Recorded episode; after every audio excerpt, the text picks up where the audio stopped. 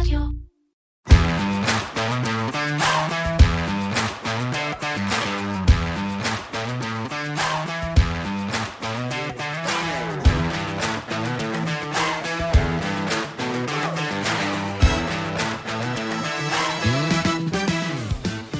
תנסו לחזור אחורה בזמן, לסוף 22, 2022. מעבר לכך ששבעה באוקטובר היה סתם עוד תאריך רגיל שלא אומר כלום, היה בארץ סוג של זעם, התקוממות ציבורית על חברות המזון. האורז, הפסטה, הטונה, הבמבה, ואפילו מרכך הכביסה, כמעט כל המוצרים על המדף התייקרו במהירות ובשיעור חד.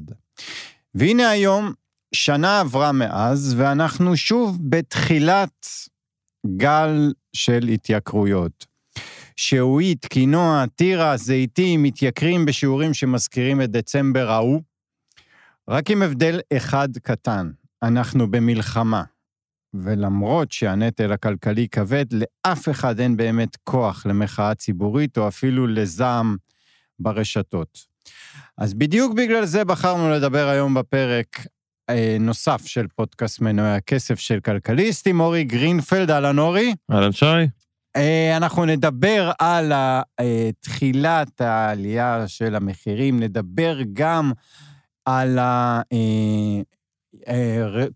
הסגירה האחרונה שהייתה אה, של כל האי-קומרס אונליין מעזריאלי, וגם אה, בלי גם, ועוד כמה חברות, ננסה להבין למה בכלל הם סגרו. ועם כל זה נדבר עם אה, אילנית שרף, אה, שחוזרת אלינו אחרי כמה חודשים בשלום. זמן. תודה רבה שהצטרפת אלינו. בכיף. התגעגענו. כן, אה, ו- אבל לפני הכל נתחיל ב... כבר הספקנו לשכוח, אבל בתחילת השבוע היה מהלך של בנק ישראל ש... וואו, אפשר להגיד עליו וואו, סוף סוף. כן, אפשר להגיד שהוא טובות. מפתיע. אני מניח שחלק זה הפתיע, חלק זה לא הפתיע. היו כאלה שהעריכו שהוא- שהריבית תרד, היו כאלה שהעריכו אה, שהיא לא תרד. אה, אני לא חשבתי שהוא יוריד ריבית כל כך מהר, אה, אז כן אפשר להגיד שזה מפתיע. וזה מעבר רק להפתעה עצמה, בוא רק כל, נסביר. זה הבנק ה- המרכזי, אפשר להגיד הראשון בעולם, שמפחית ריבית. אז יש פה איזה משהו באמת פורץ דרך. אה, כן, הסיבות אבל לא, אתה יודע, הייתי מעדיף שיהיה לי, שלא יהיה את הסיבה המרכזית זה לזה. שהריבית אה, ירדה. רק נסביר, הריבית ירדה ברבע אחוז, כן? לא... כן, אבל יותר מההפחתה עצמה זה הקריאת כיוון הרי, בסופו של דבר. ואולי אולי פה גם אה, אה, צריך להיות זהיר במה שמעריכים, כי כשאנחנו מדברים על העולם ואנחנו מדברים על הפחתות ריבית, אז תראה, גם הפד, כשהוא יוריד ריבית כנראה בפעם הראשונה, אה, לא משנה אם זה יהיה במרץ, אפריל, מאי, כל הזמן הערכות משתנות. אה, סביר להניח שהוא יוריד ברבע אחוז, הוא לא יוריד פתאום בשלושת רבעי אחוז את הריבית, אין שום סיבה שזה יקרה, אבל זו קריאת הכיוון, זו אמירה שבעצם, חבר'ה, זהו, העלינו ריבית, כבר תקופה ארוכה השארנו אותה ברמה הזאת, ומפה והלאה אנחנו הולכים ומורידים אותה, אה, והמגמה זה מה שמשנה, וכמובן, המגמה מתומחרת בשווקים, והיא מה שמשפיעה בסופו של דבר עלינו כצרכנים. אה, אם אנחנו לוקחים משכנתה, אז הריבית על המשכנתה לא נקבעת ממש לפי ריבית בנק ישראל, היא נקבעת לפי שוקי אג"ח, ושוקי אג"ח כבר מתמחרים את הצפי לכל הריביות בתקופה הקרובה, אז בסופו של דבר, אם אה, נותנים איזושהי קריאת כיוון קדימה, זה ישירות משפיע עלינו כצרכנים, על עסקים שמתנהלים עם אשראי.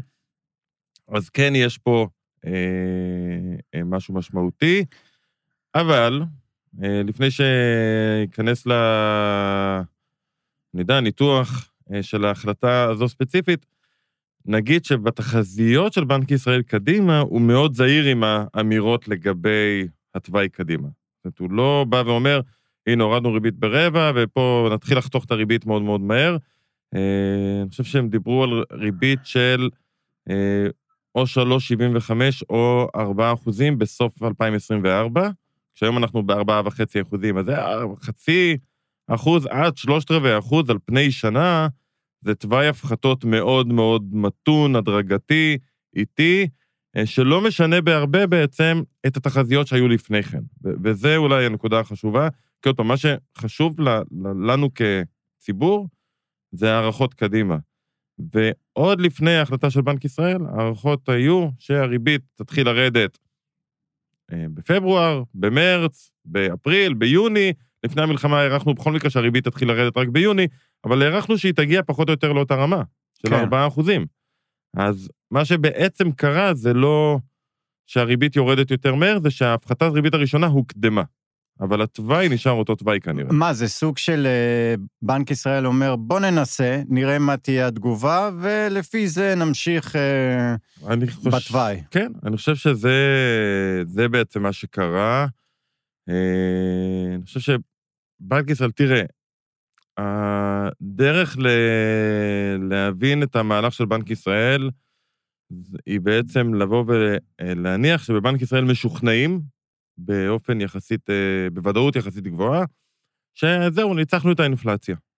הסיכון האינפלציוני נעלם מה, מהתמונה, ולכן אפשר להתחיל להוריד את הריבית, למרות שאין צורך מהותי בהפחתת ריבית. ו, ופה הנקודה, זאת אומרת, אם היינו מדברים לפני חודשיים, אז היינו רואים תמונה של משק שנמצא בהאטה משמעותית. מה, אתה מדבר על אוקטובר, תחילת המלחמה? כן, אוקטובר לתוך אמצע נובמבר כזה. אה, ראינו בנתונים פגיעה משמעותית בצריכה, הביקוש יורד, ואז אפשר להגיד, יש צורך בהפחתת ריבית, כי כדי לעודד מחדש את הצריכה, גם אז התווכחנו ודיברנו על זה גם פה. אה, האם זה שיורידו את הריבית נגיד, אני מדבר על אוקטובר, יגרום לאנשים לצאת לקניון כשיש מטחי טילים כל יום? כנראה שלא. אה, אבל הנתונים היו כאלה שתמכו אה, בהפחתת ריבית, אפשר לומר. היום זו לא התמונה, זאת אומרת, זו לא, זו לא הפחתת ריבית נדרשת. הנתונים מראים שהפעילות הכלכלית במשק חזרה לרמה שהיא הייתה לפני המלחמה, אה, למעט ענף התיירות וענף הנדל"ן. אה, כשענף התיירות, עוד פעם, הפחתת ריבית לא תשנה שום דבר. זה לא שאם הריבית ירד ל-4%, אז uh, תיירים ישתכנעו לבוא לפה תוך כדי מלחמה. אה, כן. או ישראלים ישתכנעו לצאת לחו"ל כשהם במילואים, או, או בני זוג שלהם במילואים. ומצד שני, ענף הנדל"ן, ההשפעה שלו היא דווקא הפוכה במובן מסוים. כי כן. אם יש עצירה בענף הנדל"ן, זה יכול להביא בעתיד דווקא לעליות מחירים ולא לירידות מחירים, אה, וזה יכול להתגלגל לתוך האינפלציה.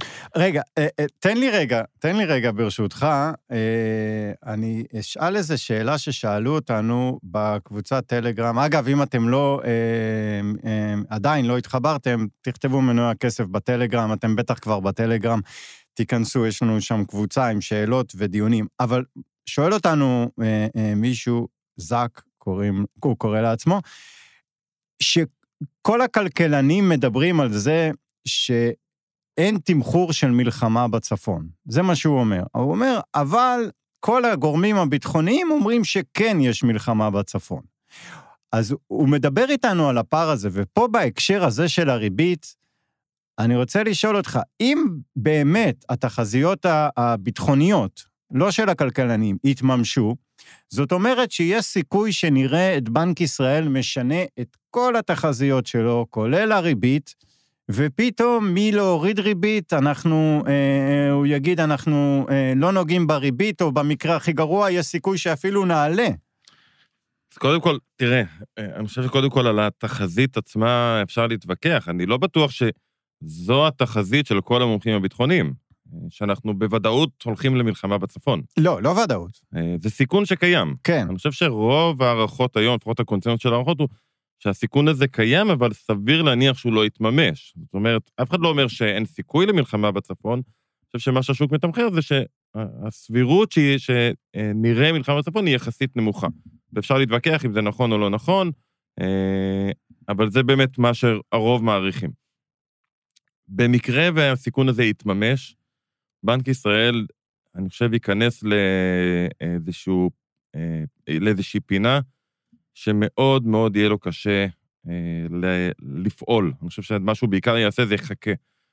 כי מצד אחד, אם אנחנו הולכים למלחמה בצפון, ועוד פעם, אפשר לעשות פה גם עשרות תרחישים למה קורה במלחמה בצפון. אנחנו לא מומחים ביטחוניים, אבל איך היא מתגלגלת ומה המשמעויות שלה.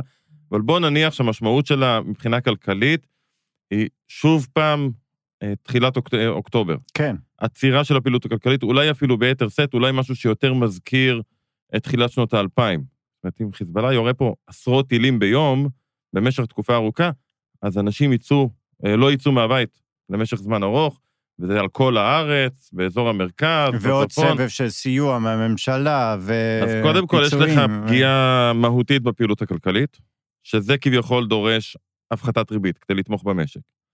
מצד שני, כמו שראינו בתחילת שנות האלפיים, זה גם אומר עלייה דרמטית בהוצאות הממשלה, בגירעון, אה, פגיעה כנראה ביציבות הפיננסית של ישראל, או עלייה בפרמיות הסיכון של ישראל, וזה יכול להקפיץ לנו את שער החליפין, אה, את הדולר, לרמות משמעותית יותר גבוהות.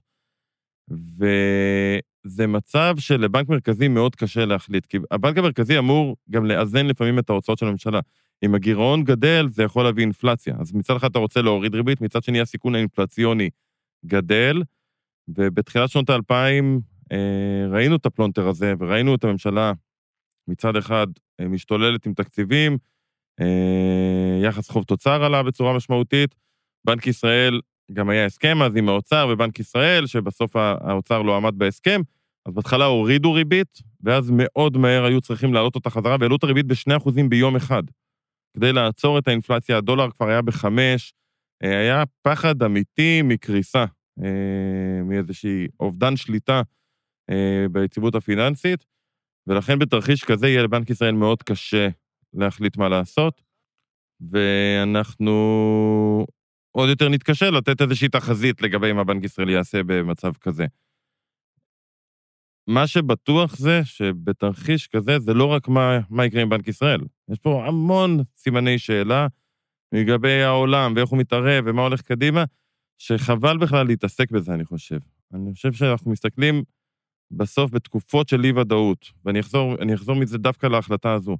בתקופות של אי-ודאות אין לך ברירה אלא להסתכל לטווח זמן הקצר. קשה מאוד להסתכל לטווח זמן הארוך. כאילו נוסע ב- ויש גשם זלעפות, אתה מסתכל שני מטר קדימה ואתה צריך לקבל החלטות, ובתקופות כאלה בדרך כלל, אלא אם כן באמת יש צורך להוריד ריבית או להעלות ריבית, אם האינפלציה קופצת, אם אין צורך מהותי, בדרך כלל עדיף לחכות ולתת לאי-הוודאות להתבהר. במובן הזה, אני חושב שההחלטה של בנק ישראל היא טיפה פזיזה אפילו. זאת אומרת, מה היה קורה אם הם היו מתחילים להוריד את הריבית בעוד חודש, חודשיים, שלפי רוב ההערכות, בעוד חודש, סביר להניח שיהיה איזשהו שינוי במלחמה ונעבור לעצימות נמוכה יותר. כן, יש דברים שיכולים להתבהר, אה, ואני חושב שבמובן הזה בנק ישראל הפתיע. אה, אבל שוב, לא היו תגובות יוצאות דופן של השווקים. לא, כי, כי חלק העריכו שזה יקרה, חלק העריכו שאם זה לא יקרה בהחלטה הזאת, אז זה יקרה בהחלטה של סוף אה, פברואר, אז אין פה הפתעה מאוד מאוד גדולה. ועוד פעם, בעיקר בגלל שהתחזיות של בנק ישראל קדימה בעצם לא השתנו. כן. מה שקרה זה שרק הקדמנו את ההפחתה הראשונה. כן. אבל התוואי הוא אותו תוואי שהערכנו שיהיה קודם לכן. אה, אז אין פה באמת איזושהי דרמה, אבל כן אני חושב שיש פה אמירה של בנק ישראל, במובן אחד ספציפי, זהו, האינפלציה מאחורינו, ניצחנו את האינפלציה. נכון שהיא עדיין מעל היעד, אבל גם בנק ישראל אומר בהודעה שלו, וגם הנגיד, תוך כמה חודשים האינפלציה, בחודש הבא היא כבר אמורה להיכנס לתוך היעד, פחות משלושה אחוזים, ותוך כמה חודשים היא, היא לכיוון מרכז היעד, לכיוון ה-2-2.5 אחוזים. אם זה לא יתממש, אז הם ישקלו מחדש את כל הכיוון שלהם. אוקיי, טוב, נעבור לחלק השני. שוב שלום, אילנית, מה שלומך? יופי. אה, אז נדבר קצת אה, בהתחלה על ה... מאיפה זה מגיע בכלל, כל ההעלאות מחירים האלה? אנחנו מקבלים את זה, אנחנו... מה... איזה סיבה יש להם להעלות מחירים עכשיו? בצורה הכי פשוטה בעולם. זו שאלה מצוינת. אה, כמו שאורי אמר, אנחנו נמצאים בתקופה אה, מאוד אה, דרמטית עם הרבה אי-ודאות, ולהוסיף על לאוכלוסייה גם העלאת מחירים זה מאוד פרובלמטי. אבל אני חושבת שהיצרניות הרבה פעמים מנצלות מצבים ומעלות מחירים כשאפשר, לא כשצריך באמת. אה, אפשר כן אה, לשים על הדבר הזה אה, כמה סיבות של עלייה במחירי תשומות מסוימים, תשומות מסוימות אצלהם, למשל, נושא של עובדים. הנושא של אולי אפילו עלייה מסוימת במחירי ההובלה כתוצאה מפעילות החוטים בים האדום, אבל צריך גם לזכור שכמו שאורי אמר לפני כן, היינו כבר, כמו שאתה אמרת לפני כן, היינו כבר בסבב של עליות מחירים מאוד אגרסיבי, אה, שאולי היה הרבה יותר מוצדק, כי ראינו עליית מחירי סחורות בעולם באותה תקופה, אה, בסוף הקורונה, אה, מחירי ההובלה היו בשמיים, אז זאת אומרת, היה באמת סיבה לגלגל על הצרכנים. אנחנו אחרי תקופה מאוד דרמטית של ירידה במחירי הסחורות בעולם, אנחנו, מחירי ההובלה צנחו בצורה משמעותית, אז גם אם הם עולים קצת עכשיו, עדיין זה לא דרמה, ואנחנו לא ראינו שהיצרניות באו והפחיתו את המחירים עבור הצרכנים כתוצאה מזה שמחירי התשומות שלהם ירדו, אוקיי? לא, לא, לא היה שינוי כזה. אז זה באמת שאלה, ו... Uh, כרגע זה, זה, זה רק אולי התחלה של תהליך, או אולי הפרחת בלון, כי בעצם אה, לא ראינו איזושהי, אה, לא ראינו איזשהו מהלך רוחבי, אנחנו רואים ניצנים ראשונים, אה, ומה שבעצם משותף למה שראינו בשבוע האחרון זה פשוט שנקבו בעליית מחירים שתי יצרניות סלש יבואניות, נקטו בעליית, בעליית מחירים של עשרה אחוזים. זו שאלה, עשרה אחוזים זה קצב אגרסיבי. למה עשרה אחוזים? למה שתיהן מעלות המחירים בעשרה אחוזים? לי זה מרגיש כמו סוג של באמת הפרחת בלון, ולראות אם באמת תהיה תגובה מצד משרדי הממשלה, שאלה מצוינת, אה, אם הם אה, אה, יעשו משהו, לא ראינו תפקוד יוצא דופן שלהן בהיבטים האלו. אה, אה, התשובה היא שהן מעלות כי הן יכולות, וזה בדיוק התשובה שהייתה לפני שנה, שנה וחצי, כשהעלו מחירים. לא השתנה כלום. עכשיו, השאלה, מה צריך להשתנות? אני, קודם כל, אני, אני אני אהיה פרקליט השטן, ואני אנסה להגן על ה... כי באמת בתקשורת, כל ה... כל, שתי הספקים שמעלים מחירים אומרים, אין לנו ברירה. הייתה עליית מחירי שינוע, שער החליפין עולה וכן הלאה. השאלה היא, כמו שאת אומרת, אוקיי, הייתה עלייה במחירי השינוע, אבל ביחס לאיפה שזה, איפה שזה היה לפני שנה, שנתיים, ירידה של עשרות אחוזים, זה לא סתם ירידה, זה ירידה של... עשרות רבות. 80 אחוז במחירי נכון, השינוע. זה לא 20 אחוזים. השאלה היא, במהלך כל, אם נסתכל על שלוש השנים האחרונות, הגל עליות הקודם שהיה, האם הוא כבר הכיל את כל עליית מחירי השינוע של הקורונה, או שהיצרנים ספגו, היצרנים, היבואנים, ספגו חלק מעלות מחירים, הרווחיות שלהם ירדה, אה, ועכשיו בעצם, למרות שהמחירים ירדו, עדיין, כאילו, הם מחליקים את, החליקו את העלויות. בדוחות שלהם, אנחנו ראינו איזו פגיעה בשלוש שנים האחרונות, פגיעה מהותית ברווחיות של החברות? הייתה פגיעה נקודתית, ואחר כך זה השתנה והשתפר, ועוד פעם, אנחנו נמצאים, אה, מאז הקורונה, אנחנו נמצאים בגלים מאוד גבוהים אה, של הים, אז קודם כל קשה לראות תמונה אחידה אצל כולם, אה, והרבה פעמים, עד שהגלים האלה יורדים ונרגעים, לא רואים תמונה ברורה. בכל מקרה, כרגע, נקודתית, אני לא חושבת שהם יכולים באמת לספק סיבה אה, קונקרטית מאוד מאוד אה, אה, מדויקת לעלייה של עשרה אחוזים. גם לא השער חליפין, שאומנם נכון. עלה באוקטובר אבל ירד חזרה. נכון. אה... מחירי ההובלה דיברנו. יש מצב שיש להם עלייה ב, בעלות העובדים, כן, זה לא, אפשר... אה, אה מה, גם להתעלם. מילואים, גם מילואים. גם מילואים, גם אה, עובדים אה, שהגיעו ב, ב... לא יודעת, אתה יודע, במפעלי אריזה וכולי, אה, מה, מהרשות ו, ואולי גם אה, מעזה. זאת אומרת, יש כנראה איזשהו, אה, איזה שהם שינויים פנימיים, אבל... אבל גם זה מוגבל בזמן, זאת אומרת, עוד חודשיים מילואימניקים חוזרים. נכון. נכון. אה, ואתה לא תוריד חזרה את המחירים בעשרה אחוזים הרי. בוודאי, לא ראינו. להעלות זה קל, להוריד זה בדרך כלל לא קורה. נכון. והשאלה אם להעלות זה קל. זאת אומרת, אני אומר את זה כאילו זה מובן מאליו, אבל זה לא מובן מאליו. וכנראה בנקודת הזמן הזאת, לעלות יחסית קל, כי הציבור עסוק בדברים אחרים, ובטח הממשלה, זה בדיוק, הדבר האחרון שמעניין אותה. בדיוק. אף אחד לא יעשה דיון עכשיו אה, סוער בוועדה כלשהי, אה, למה העלו המחירים. אני מקווה שיעשו, אבל קשה לי להאמין. אז, אז אוקיי, אז הנה, אז, אז זה הפרחת בלון, אוקיי? כמו, כמו שאמרנו, ואם זה יצליח, אז כנראה נראה עוד עליות מחירים מצד עוד גורמים אה, בשוק אה, המזון וגם במוצרים אחרים. וזה מתקשר להפחתת ריבית שהייתה, ניצחנו את האינפלציה.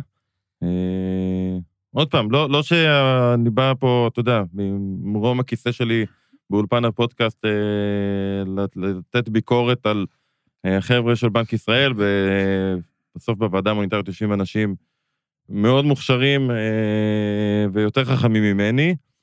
השאלה היא באמת, למה למהר? זו שאלה שאני לא, לא מצאתי לה תשובה. מחירי מזון פתאום עולים, פתאום הדיור, המחירים, השכירות, אה, יקפצו בשנה הקרובה אולי, וקורה משהו בצפון שמדליק פה את האזור מחדש ומשפיע על שער חליפין, ופתאום אתה לא במצב של להוריד ריבית. אה, אז אני לא מבין למה, למה היה צורך למהר כל כך, אבל בסדר, כמו שאמרת בהתחלה, זה, זה רבע אחוז. יכול להיות שהמגמה לא משתנה, אז זה לא באמת משנה הרבע אחוז הזה. מה, מה קורה אה, עם החברות בעולמות אה, של האונליין? מה, מה... זה, זה לא כאילו באופנה לקנות אונליין? אה, זה היה מאוד באופנה בתקופת הקורונה. אה, אני לא בטוחה שכרגע זה מאוד באופנה, אה, בגלל אה, מה שקורה בעולם, אה, ובמיוחד אצלנו, מצב רוח אה, לאומי, אנשים, אתה יודע, קצת פחות אה, כנראה אה, קונים וגם מרגישים, בסופו של דבר כולם מרגישים את הנטל של הריבית, אה, גם דרך החזרי המשכנתה וגם מרגישים את זה בהוצאות אחרות. הנה, אנחנו מדברים על עליית מחירי המזון. אני חושבת שתלוי כמה אחורה אנחנו רוצים לנתח את זה. אבל אני אנסה להיות מאוד, להפשיט את הדברים. גם עשינו פודקאסט לפני הרבה מאוד זמן על הנושא הזה, דווקא בתקופת הקורונה. אולי נגיד קודם לכן שהחלטנו שאנחנו רוצים לדבר על זה, כי היו אה, כמה אתרים שהחליטו על סגירה? וכאלו שצמצמו בצורה משמעותית את אה, הפעילות שלהם. אה, כן, כן. אה, גם עזריאלי, גם בלי, גם אני... כן. הרבה, הרבה חברות ש... ש- פרויקט 1 Project One, שמצמצמים בצורה משמעותית את הפעילות. כן, יש, יש מגמה. ו- יש- ורצינו לדבר על זה כי זה ממש מפתיע. זה, לא בדיוק. הבנו את ההפתעה, למה, מה, מה כי- פתאום? כן, גם אם יש פגיעה בצרכן, העלאות הריבית, עליות מחירים בדברים אחרים, ההיגיון הפשוט אומר, אוקיי, הצרכן קונה פחות, אבל עדיין המעבר מקנייה, אה, איך נקרא לזה? פיזית. פיזית לקנייה אונליין הוא עדיין מעבר שאמור לקרות. נכון. האינטרס של החברות אמור להיות כן להמשיך לפתח את עולם האונליין. נכון, אבל זה כנראה לא כזה פשוט, ויש הרבה סיבות, ובאמת אפשר לעשות הכללה, אבל יש משהו אחד שהוא חוט שני, לדעתי, אצל כולם. אה, אם מסתכלים על אה, עזריאלי ומסתכלים על עוד חברות שכן נכנסו לתחום הזה, כל אחת עם אג'נדה שונה. לשם דוגמה, עזריאלי נכנסה לתחום האונליין מתוך כוונה אה, בעצם ליצור איזשהו גשר בין האונליין לאופליין, ולהנגיש באמצעות האונליין את האופליין, ובאמצעות האופליין את האונליין, אה, וככה בעצם אה, גם לגעת בצרכן הסופי. וזה לא התממש, זאת אומרת, האסטרטגיה הזאת לא התממשה.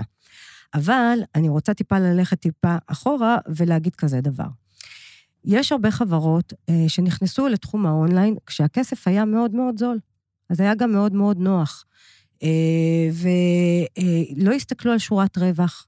אה, היה ברור לכולם אה, אה, לפני עשור שהאונליין הוא עדיין לא רווחי, וייקח הרבה זמן עד שהוא ייצר רווחיות, אה, אבל תמיד הסתכלו על הטופליין, והטופליין אמרה, אוקיי, אה, עסקים שגדלים ב double digit growth, זאת אומרת שהם מייצרים צמיחה דו-ספרתית כל שנה, שם צריך להיות, והכסף הזול קנה את העסקים האלו. ואנחנו נמצאים כיום אחרי תקופה של העלאות ריבית אה, רצופות, והכסף הפך להיות מאוד מאוד יקר, אז הרבה עסקים עושים rethinking לגבי העסקאות שלהם, ואומרים, אנחנו מתחילים לנקות מהשורות, עסקים שאנחנו לא הצלחנו בהם אסטרטגית, שאנחנו לא מאמינים שאנחנו נצליח בהם אסטרטגית, למרות הכל, ואנחנו לא רואים סיבה להמשיך אה, אה, ולתפעל אותם, כי כנראה אנחנו נצבור עוד הרבה מאוד הפסדים עד שהדבר הזה אה, יהפוך להיות מאוזן ומוצק. וגם כשהעולם הזה יהיה מספיק חזק, אנחנו תמיד יכולים לחזור אליו. Mm-hmm. אני חושבת שזה הלך הרוח אצל כל מיני אה, חברות שיש להם הרבה מאוד אה, אה, סיגמנטים ומנופים, והם פשוט מחליטים להפחית אה, את אלו שהם אה, מהווים בשלב הנוכחי אה, משקל על הכתפיים שלהם. אז, אז- זה בעצם אותה תמונה שקורית בכל תחום הטכנולוגיה באופן נכון. כללי. זאת אומרת, זאת אומרת, בסוף עזריאלי מסתכלים על האתר כסטארט-אפ, נכון, וכשהכסף היה זול, אז יאללה, בוא נשקיע בסטארט-אפ נכון. ונראה. הוא לא צמח לאן שחשבו שהוא יצמח, אז אז- מחסלים. נכון, נכון, לדעת לקפל מצליחים זה דבר מאוד חשוב בעסקים. אמנם הנושא של אה, אה, עזריאלי קום זה, אה, זה ממש שבב מאוד קטן בעסקים של עזריאלי, רק שתבינו את ה... זה נשמע מאוד כבד, הפסדים של 330 מיליון שקלים. זה וואו, זה מטורף, כשאנחנו חושבים על זה, אבל אם ניקח את זה זה השקעה. נכון, אבל אם ניקח את זה בקונוטציה של חברת עזריאלי, שהשווי שלה הוא 30 מיליארד כן. שקל, אז פתאום זה נשמע, המאזן משתנה. אה, ואני באמת מאמינה שצריך לדעת, אה, בכל סוג של עסקים, להבין שאם אתה, אין לך ערך מוסף, ואם אתה לא מצליח לנהל את הדבר הזה, אז אה, זה בסדר לבוא ולהגיד, אוקיי, ניסינו, לא הצליח, אנחנו ממשיכים בדברים שאנחנו חזקים. אבל עכשיו- זה מעלה שאלה קדימה, הרי בסוף, בואי נאמר שהריבית, התחלנו, תרד, תחזור לרמה יותר נמוכה, אה, זה יאיץ מחדש אה, רצון של חברות לפתוח עסקים חדשים. האם נפל פה אסימון לחברות ישראליות שמאוד קשה להתחרות באונליין מול חו"ל? אני חושבת שכן. קודם כל, תראו, אני אסביר משהו מאוד פשוט. הקורונה האיצה תהליכים, אנחנו גם דיברנו על זה בעבר, אה, וגרמה לעלייה משמעותית אה, ברכישות של האונליין, כי אנשים היו סגורים בבית שלהם, וגם היה להם כסף שהם לא ניצלו בזמנו, אתם זוכרים? כל המטוסים היו מקורקעים, לא, לא היה להם לאן לטוס, היה להם כסף זמין, והם הר- הרגישו גם צורך פסיכולוגי כנראה לפצות את עצמם. אז הרכישות באונליין קפצו בצורה דרמטית. אמ, זה גם הכניס שחקניות חדשות, תוך כדי, זאת אומרת, בתקופה של הקורונה וקצת אחריה, כי הייתה אופטימיות אה, מטורפת, אבל אז הדברים השתנו. עכשיו, ב- ב- בתחומים שהם בהתהוות, והם לא עסקים שהם כבר אה, קיימים הרבה מאוד שנים, וקל אה, להבין את הצמיחה שלהם ואת הרווחיות, הבמפינג האלו, כן, גורמים ליציאה של שחקנים ולהתחזקות של שחקנים אחרים. אז אני זוכרת שלפני יותר מעשור אמרתי, כולם רוצים להיות אמזון. כן, כולם חושבים שהם יכולים להיות אמזון, אבל מסתבר שמי שמנהל אה, אה, אה, רצפת מכר, לא בהכרח יודע לנהל אה, אונליין. וגם אפשר לראות הפוך, תסתכלו על הדיקה, אוקיי? הדיקה זו חברה שהצליחה מאוד באונליין, בישראל, הקטנה והפרובינציאלית, אוקיי? ועשתה מהלכים מדהימים, שהרבה מאוד אחרים לא הצליחו שם. ואז הם פתחו חנויות, אבל הם לא הצליחו באופליין. זאת אומרת, מאוד מאוד חשוב להבין שאם אתה מצליח בדבר מסוים, לא בהכרח תצליח בדבר אחר. אגב, שופרסל גם הודיעה שהיא אה, סוגרת את האונליין שלה.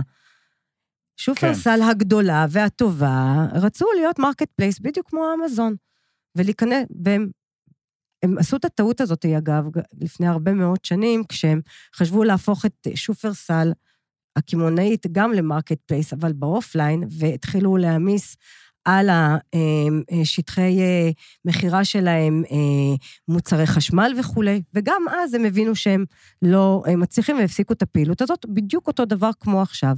מי שיודע למכור שקדי מרק, לא בהכרח יודע למכור מכונות כביסה, ומי שיודע למכור באופליין, לא בטוח ולא בהכרח ידע למכור באונליין. למה זה בכלל צריך להיות אחד עם השני?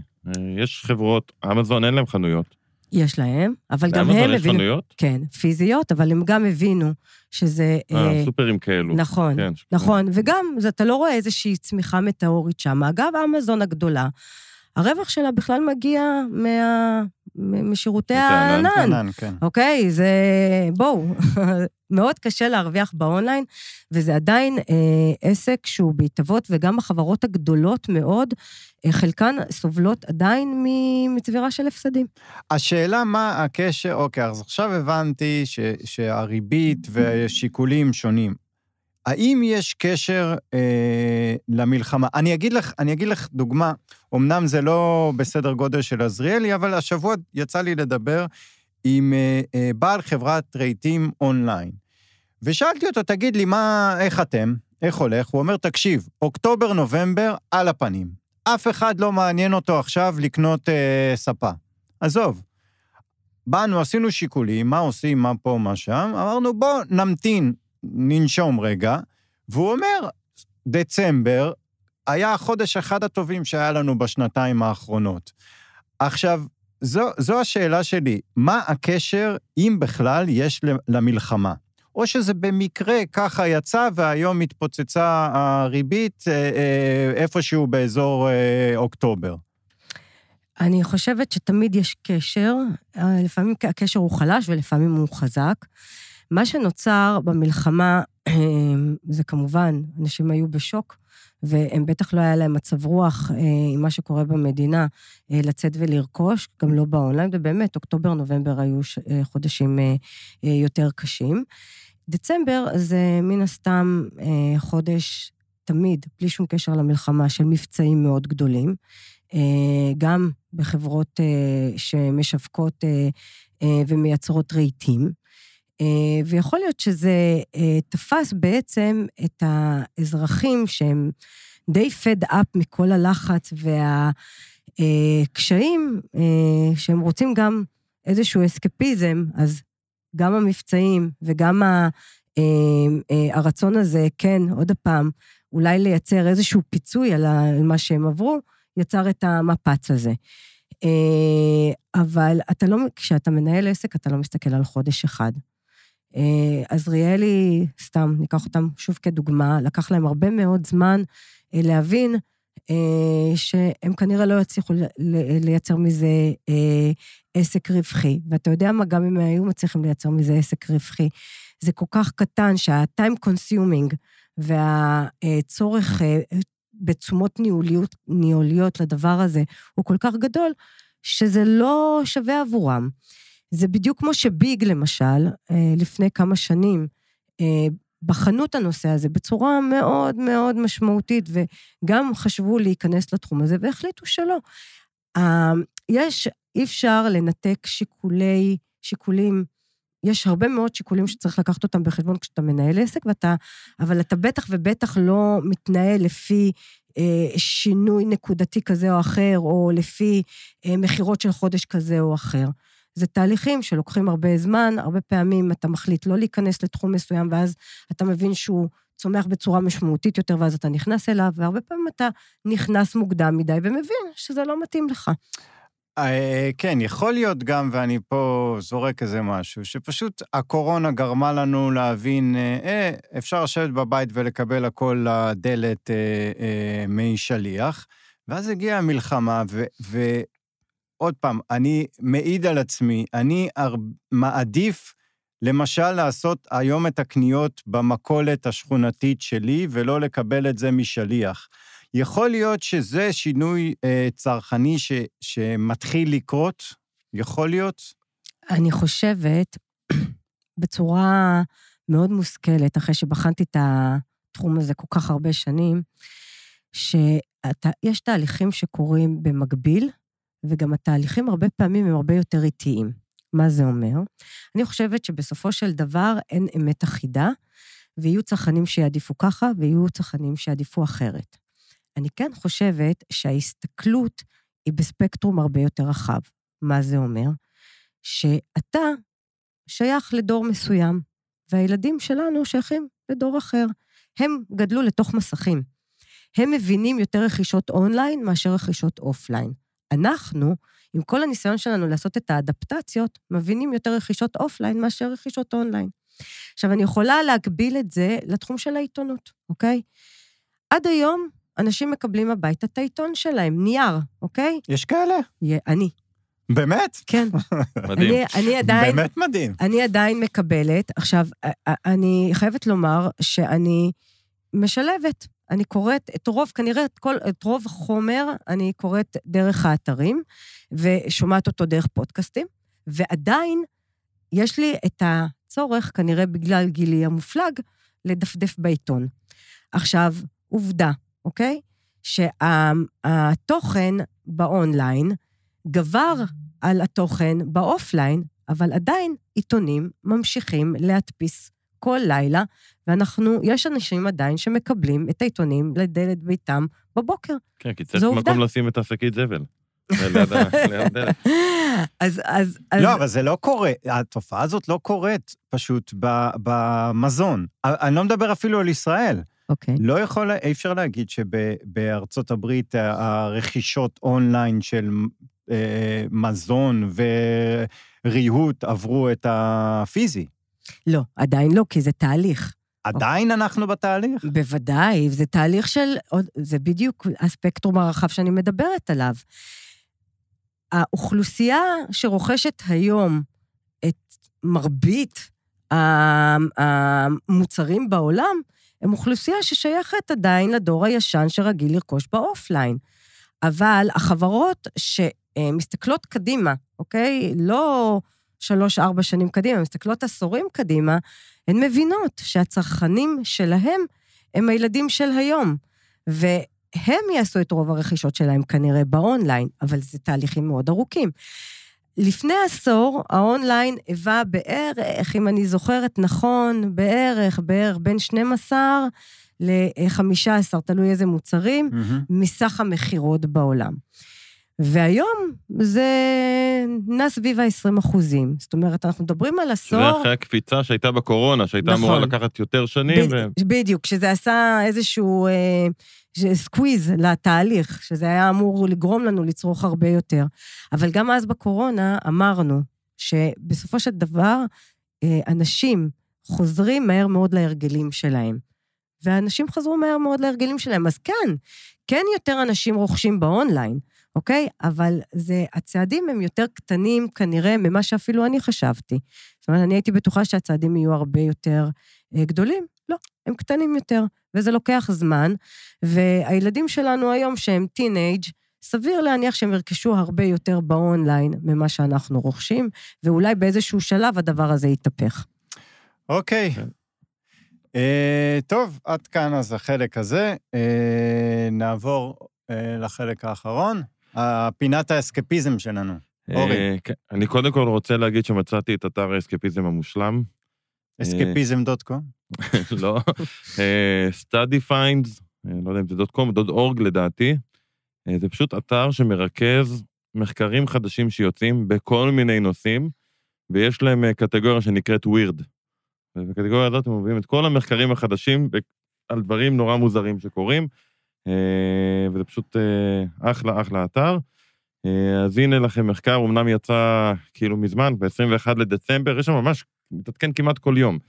הם מביאים מחקר מצרפת, מאוניברסיטת אה, אה, מונפלייר, עם שיתוף של ה-French National Center of Scientist Research, אה, והאתר הזה, המחקר הזה מראה בעצם שיש אבולוציה בצמחים, בפרחים, אה, בדקו את זה כמובן רק בצרפת, שכתוצאה מזה שיש ירידה משמעותית בכמות החרקים, אנחנו יודעים שיש הרי בעיה עולמית עם הדבורים, אה, רק שנבין, בשלושים שנה האחרונות, לפי מה שמראים במחקר הזה, אה, מספר הדבורים ירד ב-75 אחוזים.